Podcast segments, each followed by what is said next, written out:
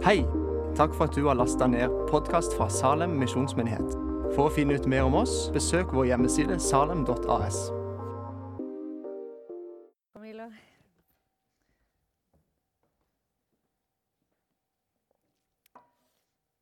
God formiddag, alle sammen.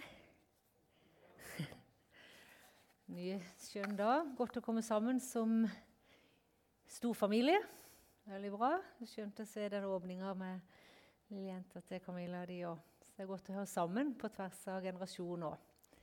Fra ung til voksen og eldre. Det er egentlig veldig gullkant. Det er faktisk heller ingen selvfølge at vi har alle generasjoner representert i, i Salem. Det er noe som mangler hvis det, hvis det glipper i den ene eller den andre enden. Da har vi mista mye. Så det er jeg takknemlig for. Ja, vi er jo i en serie, og nå skulle vi begynne på uh, livet i ånden. Det er jo et spennende tema. Um, og så skal vi si litt om nådegavene. Det er jo så mange nådegaver, så vi skal ta utgangspunkt i første kor 12, 1-11. Og der uh, blir det jo beskrevet noen av gavene. Uh, så hvis ikke vi, vi skal liksom bare snakke sammen i ca. en halvtime. Så eh, ingen må fortvile om ikke jeg kommer inn på alt. For det går ikke. Får det ikke til. Eh, men vi skal i hvert fall se på, på lite grann, og så blir det mer etter hvert. Um, og jeg tenker Når vi skal snakke om et liv, eller liv i ånden, så er Salem et godt sted å prate om det i. Fordi at Salem har vært eh, kjent for en menighet som har liv i ånden. Eh, I årevis, tiår på tiår, så er det liksom litt rykte litt på oss at vi, vi er åpne, og at vi, vi er liksom tufta på det. Hele starten til Salem. Og det har vært mange bølger av, av ånds bevegelse opp gjennom tidene. Og så lengter vi fortsatt til det, at det skal igjen og igjen. For det er liksom ikke sånn at det skjer det én gang, og så kan det ikke skje igjen. At jeg får en, en ny, frisk vind fra himmelen, om en kan si det sånn. Ny, frisk pust fra Gud over våre personlige liv, men også over det som menigheten har og er kalt til. Og det, Vi har jo vært inne i forhold til menighetens historie, og vi har snakka mye om det. Og eh, og det er noe med å, å, anerkjenne de røttene som vi har som menighet. Og de røttene de, de tenker jeg Gud har tenkt skal være veldig saftige. Og være veldig kapable til å drikke av dype vannkilder. Drikke av Guds ord, være troverdig på Guds ord. Eh, drikke av, av de dype kildene fra himmelen. Eh, når vi gjør det som enkeltperson, når vi gjør det som enighet, så tror jeg vi er i sentrum av det Gud kalte Salem til å være helt ifra begynnelsen. Og Det er jo ikke sånn at det er en selvfølge at røttene forblir skal si, friske, saftige, kapable til, til å liksom dra til seg fra det som kommer fra Gud. For livet skjer. Jeg spurte just en ung gutt her. Sånn har du det? Livet skjer, sa han. Og Da skjønte jeg egentlig ganske fort at da er det ikke nødvendigvis at du bare har det bra når livet skjer. For vi vet at livet skjer. Og det gjør også av og til noe med rodsystemet vårt. Det gjør noe med, med evnen vår til å drikke av Guds ord. Det gjør noe med evnen vår til å, til å søke Gud. Og vi, vi, kan ta feil valg. Jeg tenkte på det bare hvis jeg skal ta de siste 14 dagene mine. Og Hvis jeg skulle skrevet opp alle de gangene jeg måtte velge hva jeg skulle drikke Skal jeg drikke mine egne følelser, min egen opplevelse, erfaringer, omstendigheter Så ville det få en konsekvens for meg. Ikke sant? Det får en konsekvens hva vi drikker når livet skjer. Og jeg tror at eh, Salem eh, er som skapt for å ha friske, frodige røtter til å drikke av dypt liv fra Gud. Jeg har nevnt det før. Jeg har, jeg har ikke, jeg, det er jo noen som har mange syner og drømmer sånn. De drømmene har, det har jeg ikke så veldig mye tydning på. Det er like greit. Det er veldig rare mange ganger. Og synet har jeg heller ikke så mye av. Men jeg hadde en opplevelse av et syn her i Salem, i dette rommet. Og det har jeg delt før, men det passer egentlig veldig godt inn med eh, temaet når vi skal snakke om nådegave. For det var nesten som en liten film som ble spilt. Det var veldig, veldig sånn virkelig og levende. Eh, og det var veldig enkel. Men det var dette rommet her. Og i dette rommet så, så jeg bare at eh, det hele taket var fylt opp av. Altså det hang ned fra taket. Masse uåpna gave. Og det er faktisk en god stund siden, men jeg holder fast i det som et bilde fra Gud. For jeg tror at det ligger over Salem misjonskirke en masse gave. Mange som er aktivert i gavene sine. Men jeg tror faktisk at det ligger en del overraskelse og venter på oss som er ned. Og de hang ikke så høyt. Ikke de, de, bare, de, lå liksom bare som et teppe ned fra taket i forskjellig farge og forskjellig størrelse. Det var veldig fint innpakka. Og da kjente jeg, Når vi skulle liksom snakke om dette her temaet nå, så tenkte jeg skal vi ikke gå inn i denne, eh, disse, denne, disse temaukene og på en måte spørre Gud er det noen pakke som du har lyst til å åpne nå. Er det noen pakke i mitt liv?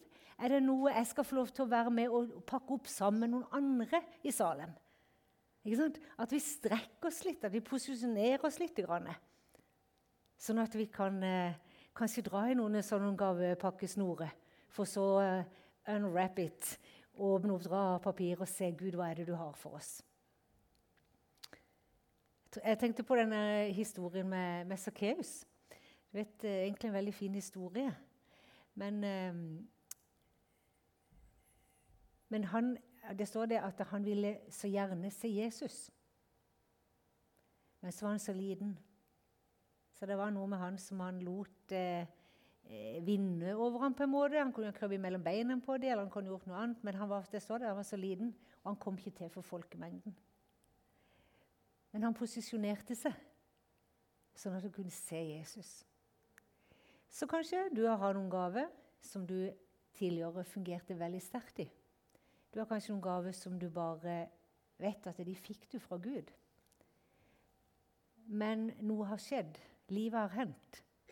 Så det fungerer ikke noe særlig lenger. Men det står faktisk at Gud angrer ikke sine nådegaver og sin utvelgelse.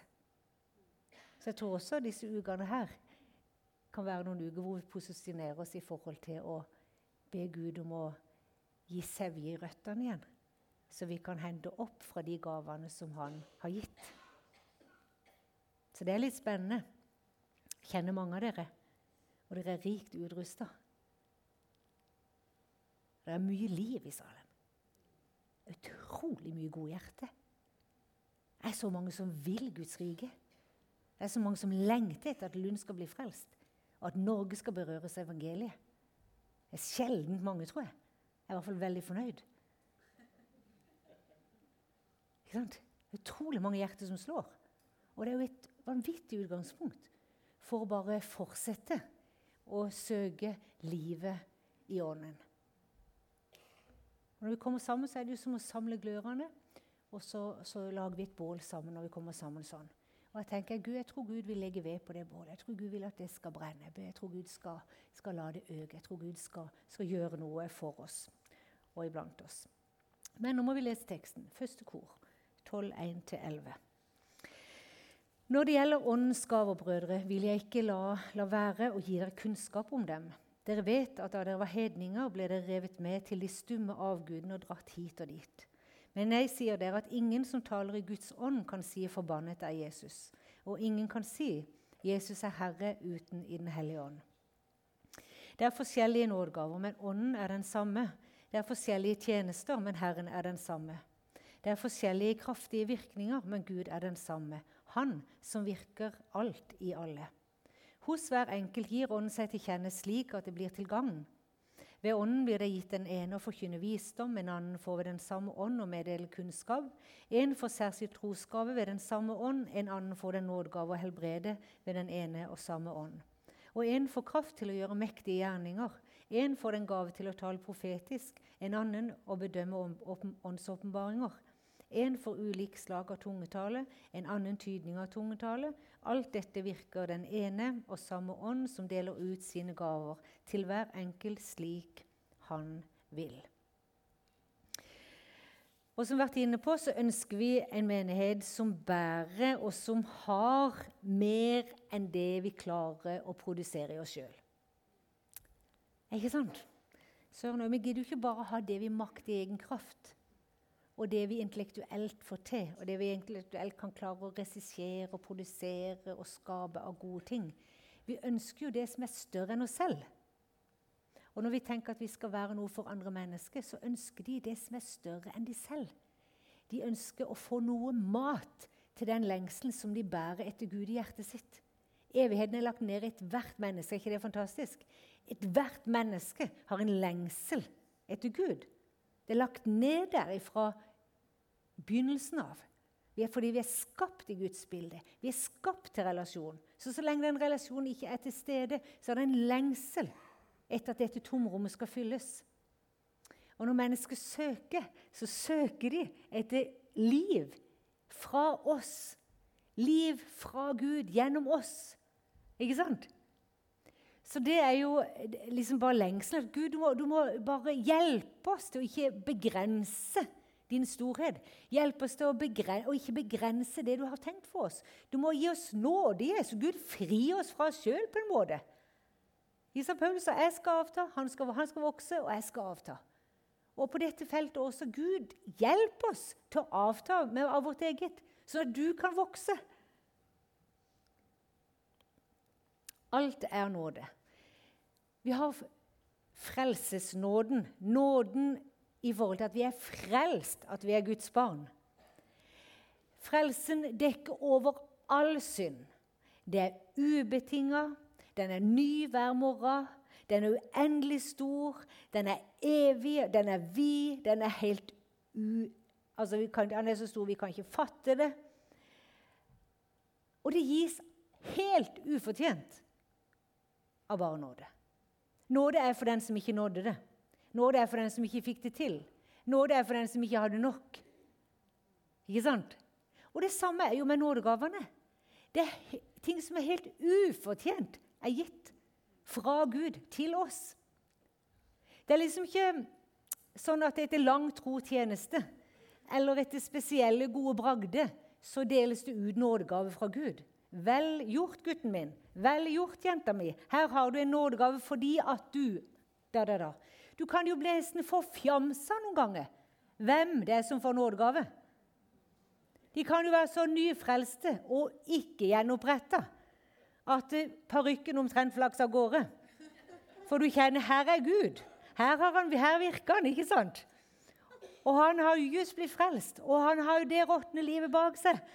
Men allikevel tror du ikke denne typen bare bar rett inn i livet mitt og sa alt om meg. ikke sant? Oi, oi, oi, Jeg har hatt noen av de rundene der. vet Du Du har jobba litt på gata med folk som har hatt eh, litt røffere tid. Jeg tenkte Gud, du er fantastisk. Du utvelger den du vil, til det du vil. Og så vi jo, kan vi jo snakke litt senere om sammenheng mellom åndens frukt og åndens gave. og sånn. Men Gud gir gavene av nåde. Og ofte så gis det jo Eller ikke ofte. det er jo, altså, Frelsen er jo eh, eh fødselsgaven evig liv. Eh, åndsdåp. Altså vi blir utrusta til tjeneste. Og, og, livet fra Gud Krana skrus opp på en måte på innsida, sånn at livet fra Gud begynner å strømme frem fra vårt indre. Ikke sant? Men det er jo bare ren, skjær nåde. Og det kommer med åndsdåpen, om det er nyfrelst eller gammelfrelst. Så bare kommer dette livet og blir en del av oss. Og så skal det kultiveres, så skal det jobbes med, og så skal det, skal det vokse. Men jeg tror det bare, jeg hadde bare lyst til å slå det fast en gang for alle. At det, alle har minst en nådegave. Og den er gitt av bare nåde. Og det er, litt, det er godt å vite, og så er det godt å huske på det selv om vi har vært kristne en stund. At dette å fungere i nådegave, dette å være i nådegave For hvis livet har hendt, så kan det være at du har mista frimodigheten. Fordi at du glemmer at gavene de fikk du lov til å få og virke i av bare nåde. Så har du blitt stille fordi noe har hendt. Men like så mye som vi ber om tilgivelse for synd, så ber vi også om ny, frisk mod på de gavene som Gud har lagt ned i oss. Tenn på ny den nådegave som Gud har lagt ned i deg. Tenn den på ny. La Ånden på nytt få lov til å gi liv til det. Uansett erfaringer, uansett hva mennesker har sagt, uansett hva mennesker har trykt ned, uansett hva mennesker har kasta på deg, uansett hva du sjøl har konkludert med, så har jeg bare lyst til å oppmuntre enhver til å tenne på ny den nådegave som Gud ved sin nåde gav deg, og ved, som, ved sin nåde vil la deg fortsette å virke Det er egentlig litt deprimerende å bli brennende inne med de gavene som Gud har gitt. Det gjør noe med åndslivet vårt. Gjør det ikke vel?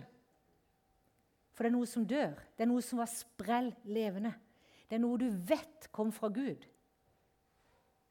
Som bare du ikke hadde før, men som, som var en, en, noe som var større enn deg selv. Det var noe som ikke du kunne få til, men som han gav.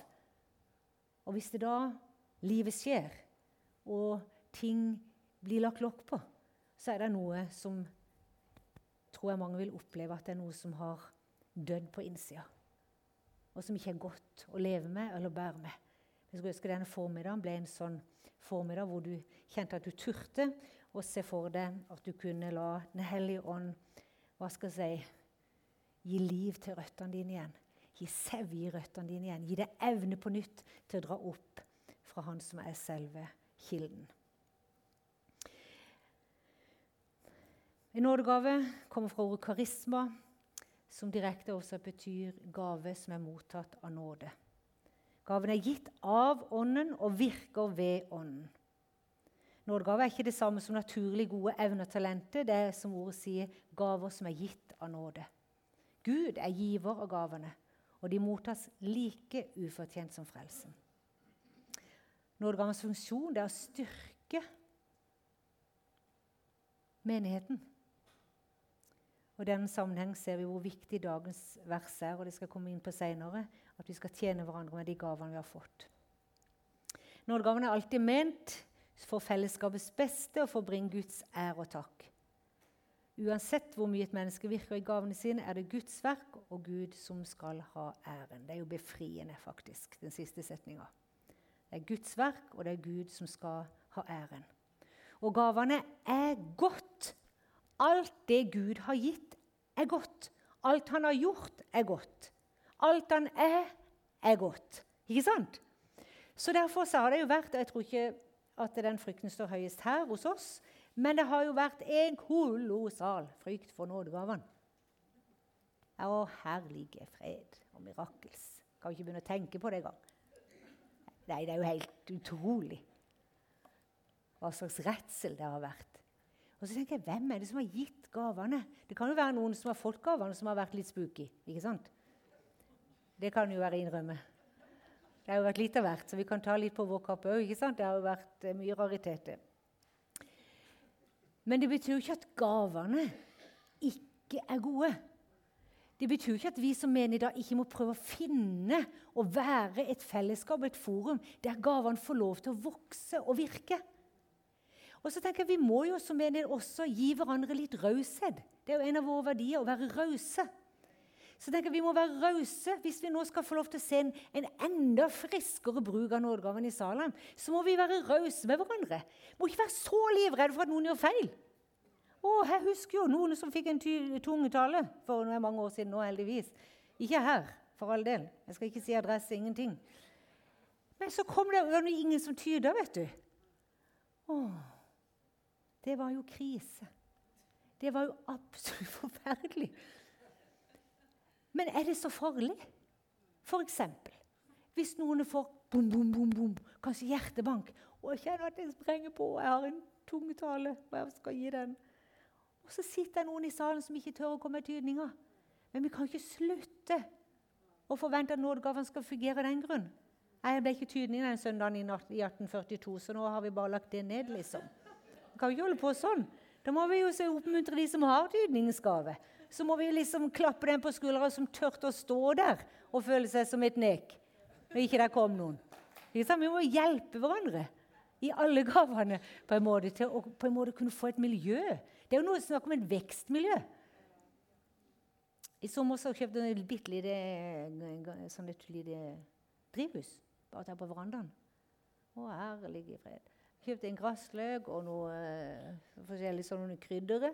Så tenkte jeg det blir koselig. Men skal jeg si jeg ga det vekstmuligheter? Det er tøyt ut av det der lille buret. Jeg måtte jo klippe og klippe på det. Kjøpte god jord og skikkelig med gjødsel. Det bugna. Bokstavelig talt. Jeg, bare, jeg måtte ta av det glasstaket. Vekstmiljø. Ikke sant? Så tenker jeg, Vi må gi hverandre vekstmiljø. Vi må på en måte ha gudsfrykt nok til å tenke at det, når Gud har gitt nådegave til menigheten, så er det fordi det er godt. Så er det fordi han ber oss om å kultivere det og håndtere det, gi vekstrom for det. Ikke sant?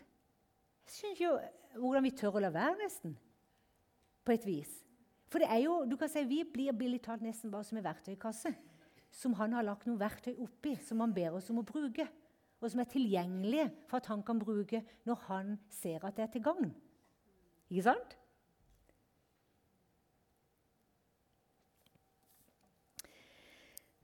Så jeg har lyst til at vi skal være litt frimodige på det. Og at jeg synes vi skal virkelig jobbe med de røttene vi har som menighet.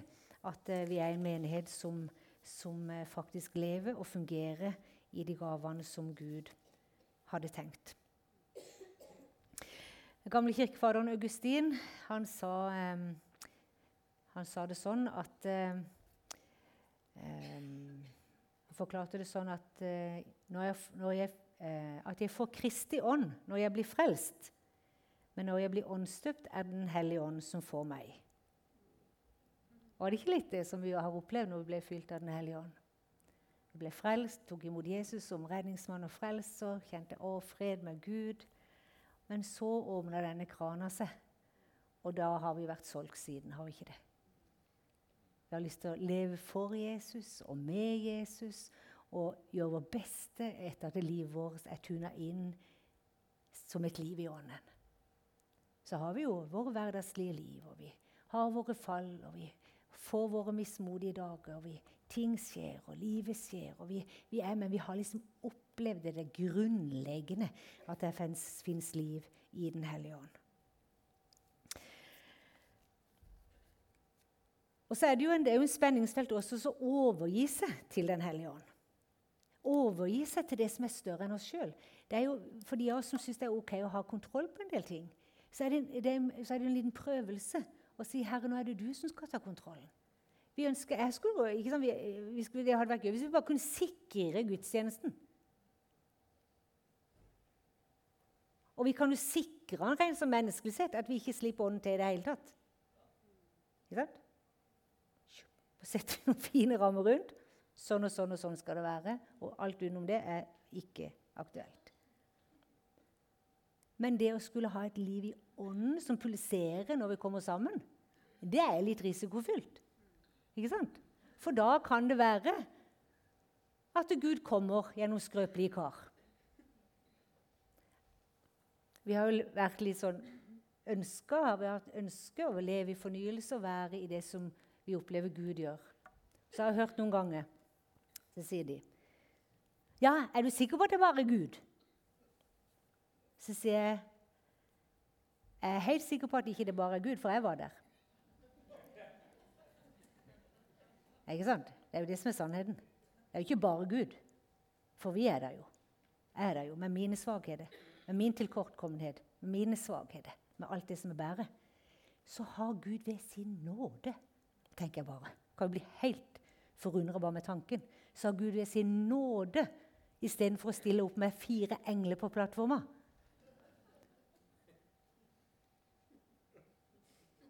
Engler i lydboksen, engler i vertsgruppa.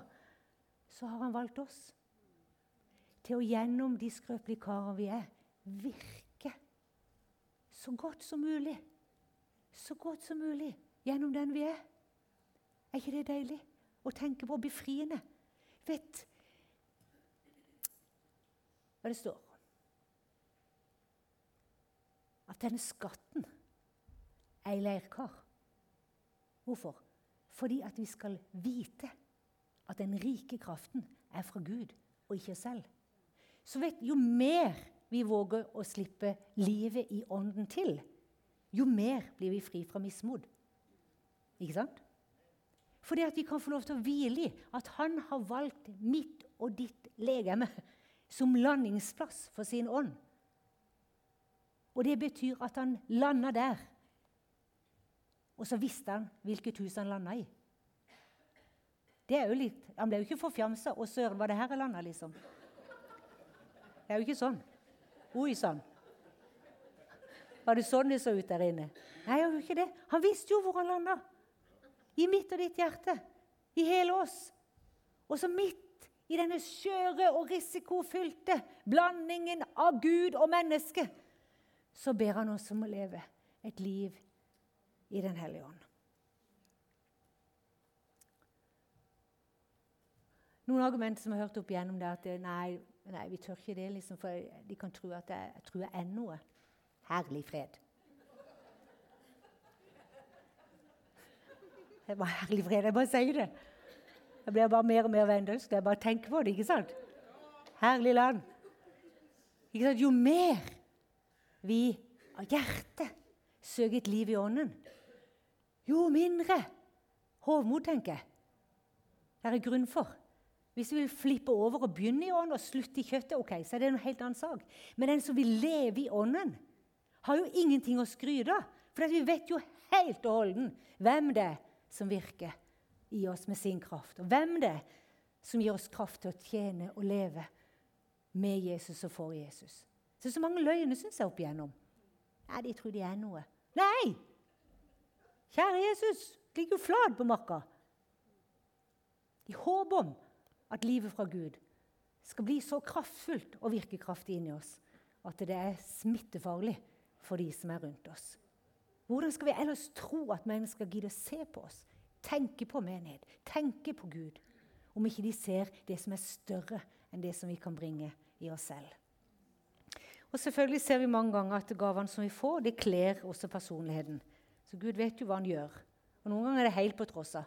Men mange ganger så, så, så kobler gavene mot, mot det som, som, eh, som, vi kjenner er Ja, dette er min dette er min drakt. Dette er meg. Dette, dette går helt fint. Ikke sant?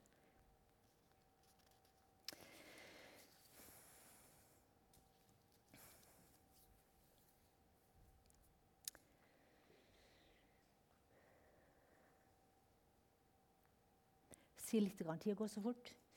Eh, men vi leste om eh, forskjellige nådegaver der i første kor. Jeg skal bare si litt kort om det for de som er nevnt der. Eh, det er forskjellige nådegaver, men ånden er den samme. Det er forskjellige tjenester, men Herren er den samme. Det er forskjellige kraftige virkninger, men Gud er den samme. Han som virker alt i alle. Så skal si Åndens frukt kan vi jo betegne som Kristus' egenskaper. Og kanskje vi kunne si at det, det er stjålet fra Oddvar Søvik at um, nådegave er Kristus' evne. Det at vi gjør noe som bare Jesus kunne gjort. Vi får lov til å bringe noe som kommer fra han. Og Jesus sjøl Vi, kan, vi hadde eh, litt god tid, vet du, noen timer her, så kunne vi ha gått inn i, i der Jesus eh, demonstrerte og levde i disse forskjellige, forskjellige nådegavene. Men det er jo ganske stort at vi får lov til å være formidlere av et liv som er hans. Men det er jo det som er et liv i ånden. Det er at vi får lov til å gi videre noe av det som Gud har gitt oss. Så står det her at ved, ved ånden blir det gitt en ene å forkynne visdom. Og har dere, dere har sikkert møtt noen, men det er jo noen som er helt utrolig på visdom. Um, jeg kan ikke karakterisere meg der. Men jeg har lyst til å bare bruke oss som et eksempel. For det at Geir, mannen min, han er ikke så verst. Og det, I vårt hus er det sånn som det er hos mange. Der han har 1000 ord, der har jeg 5000 ord. Sånn. Og det gjelder òg når vi skal og finne løsninger og jobbe med ting. Og sånn. Og jeg prater og jeg prater, og jeg tenker og jeg vrir de små hjernecellene jeg har, og holder på. Ikke sant? Og jeg kan holde på lenge, og han liksom, mm, ja, mm, og det er andre som sitter og prater. Og så går det kanskje en halv time, så kommer den. Han. To setninger. Alt er solvd. Alt er løst.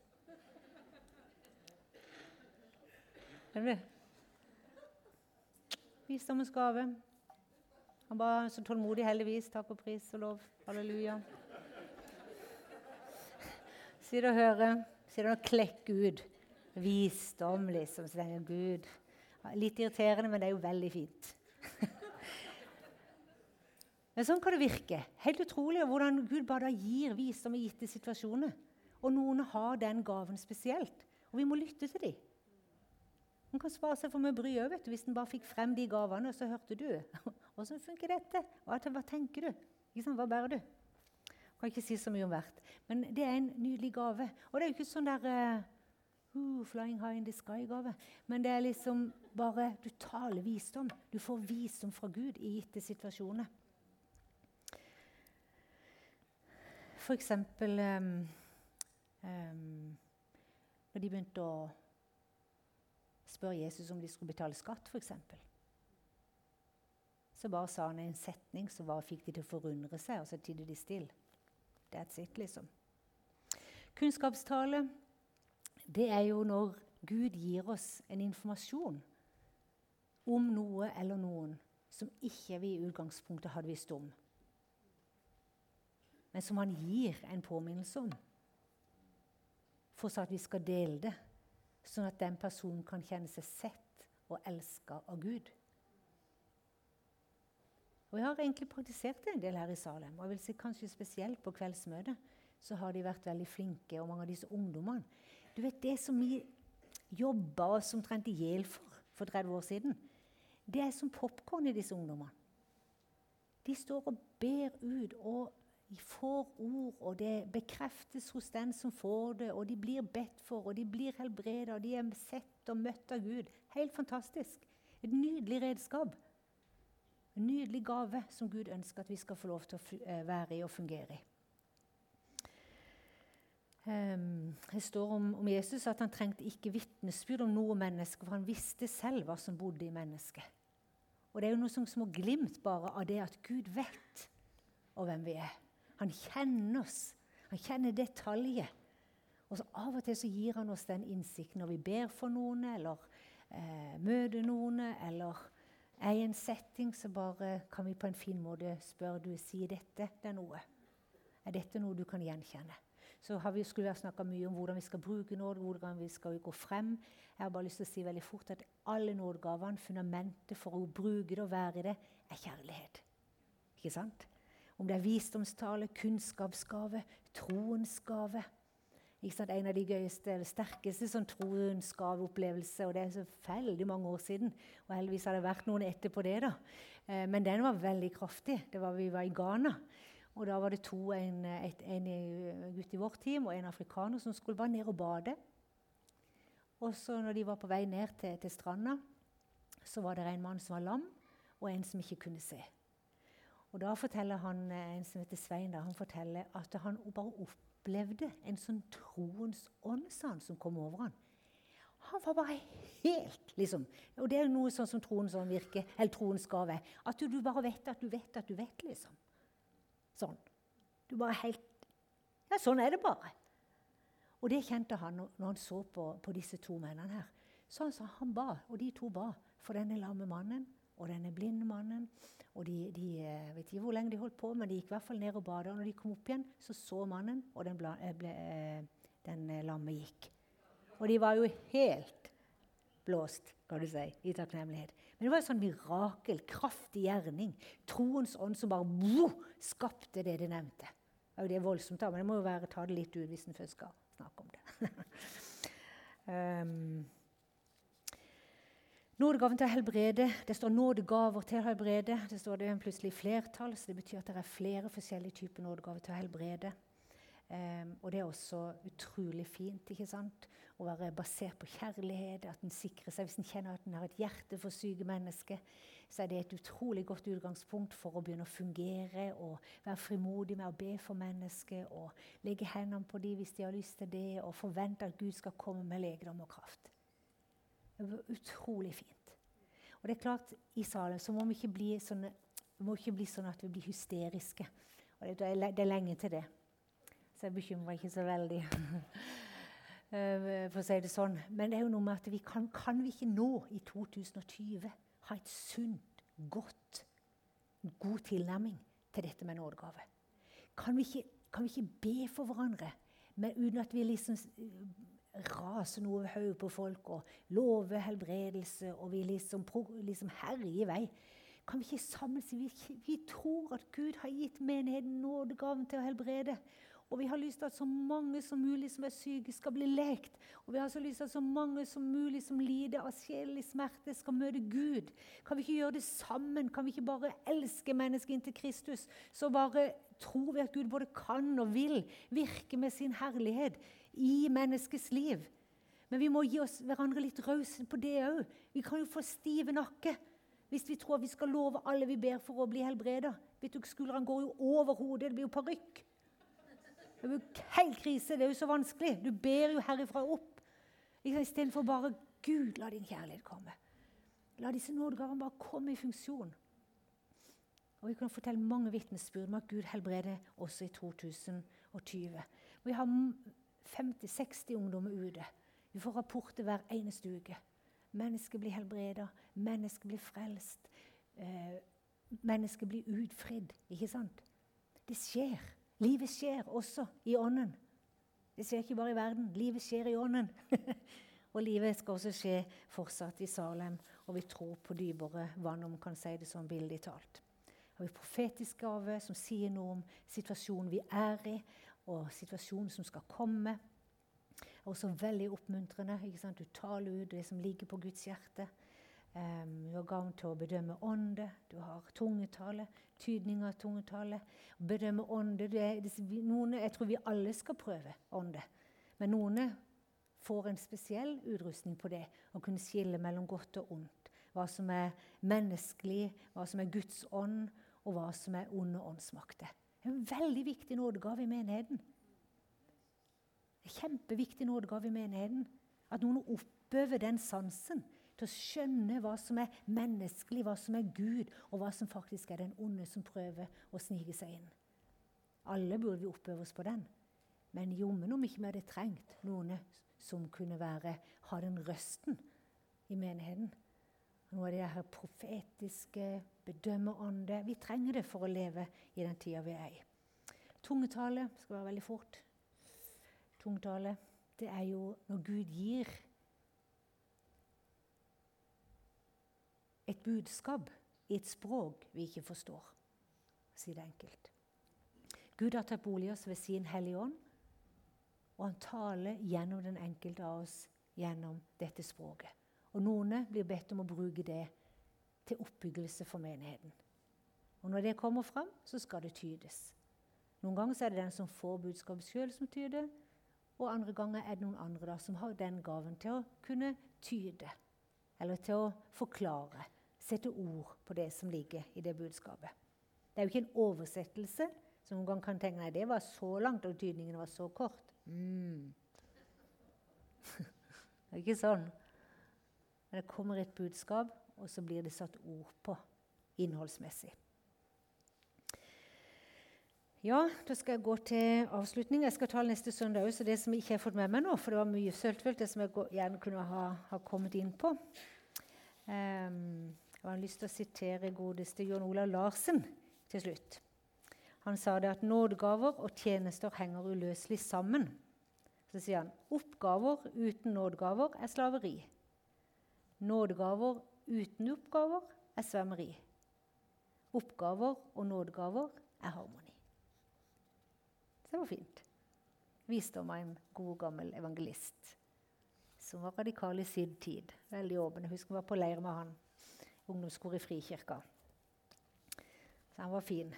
Da følte jeg den gangen han, da følte jeg nesten ble forflytta fra bakerste benk, for det var der helst jeg satt, kan du si, til første benk og knele. Så da dro Guds ånd godt i meg. Jeg var 15 år. Ja, vi hadde lyst til å være litt stille, sånn at eh, kanskje noen får noe de har lyst til å dele med menigheten. I så fall så har jeg lyst til å be deg om å komme opp hit. Um, og så vær frimodig. Så gir vi noen minutter, et par minutter stillhet, og så kjenner du etter om eh, Gud legger noe på ditt hjerte.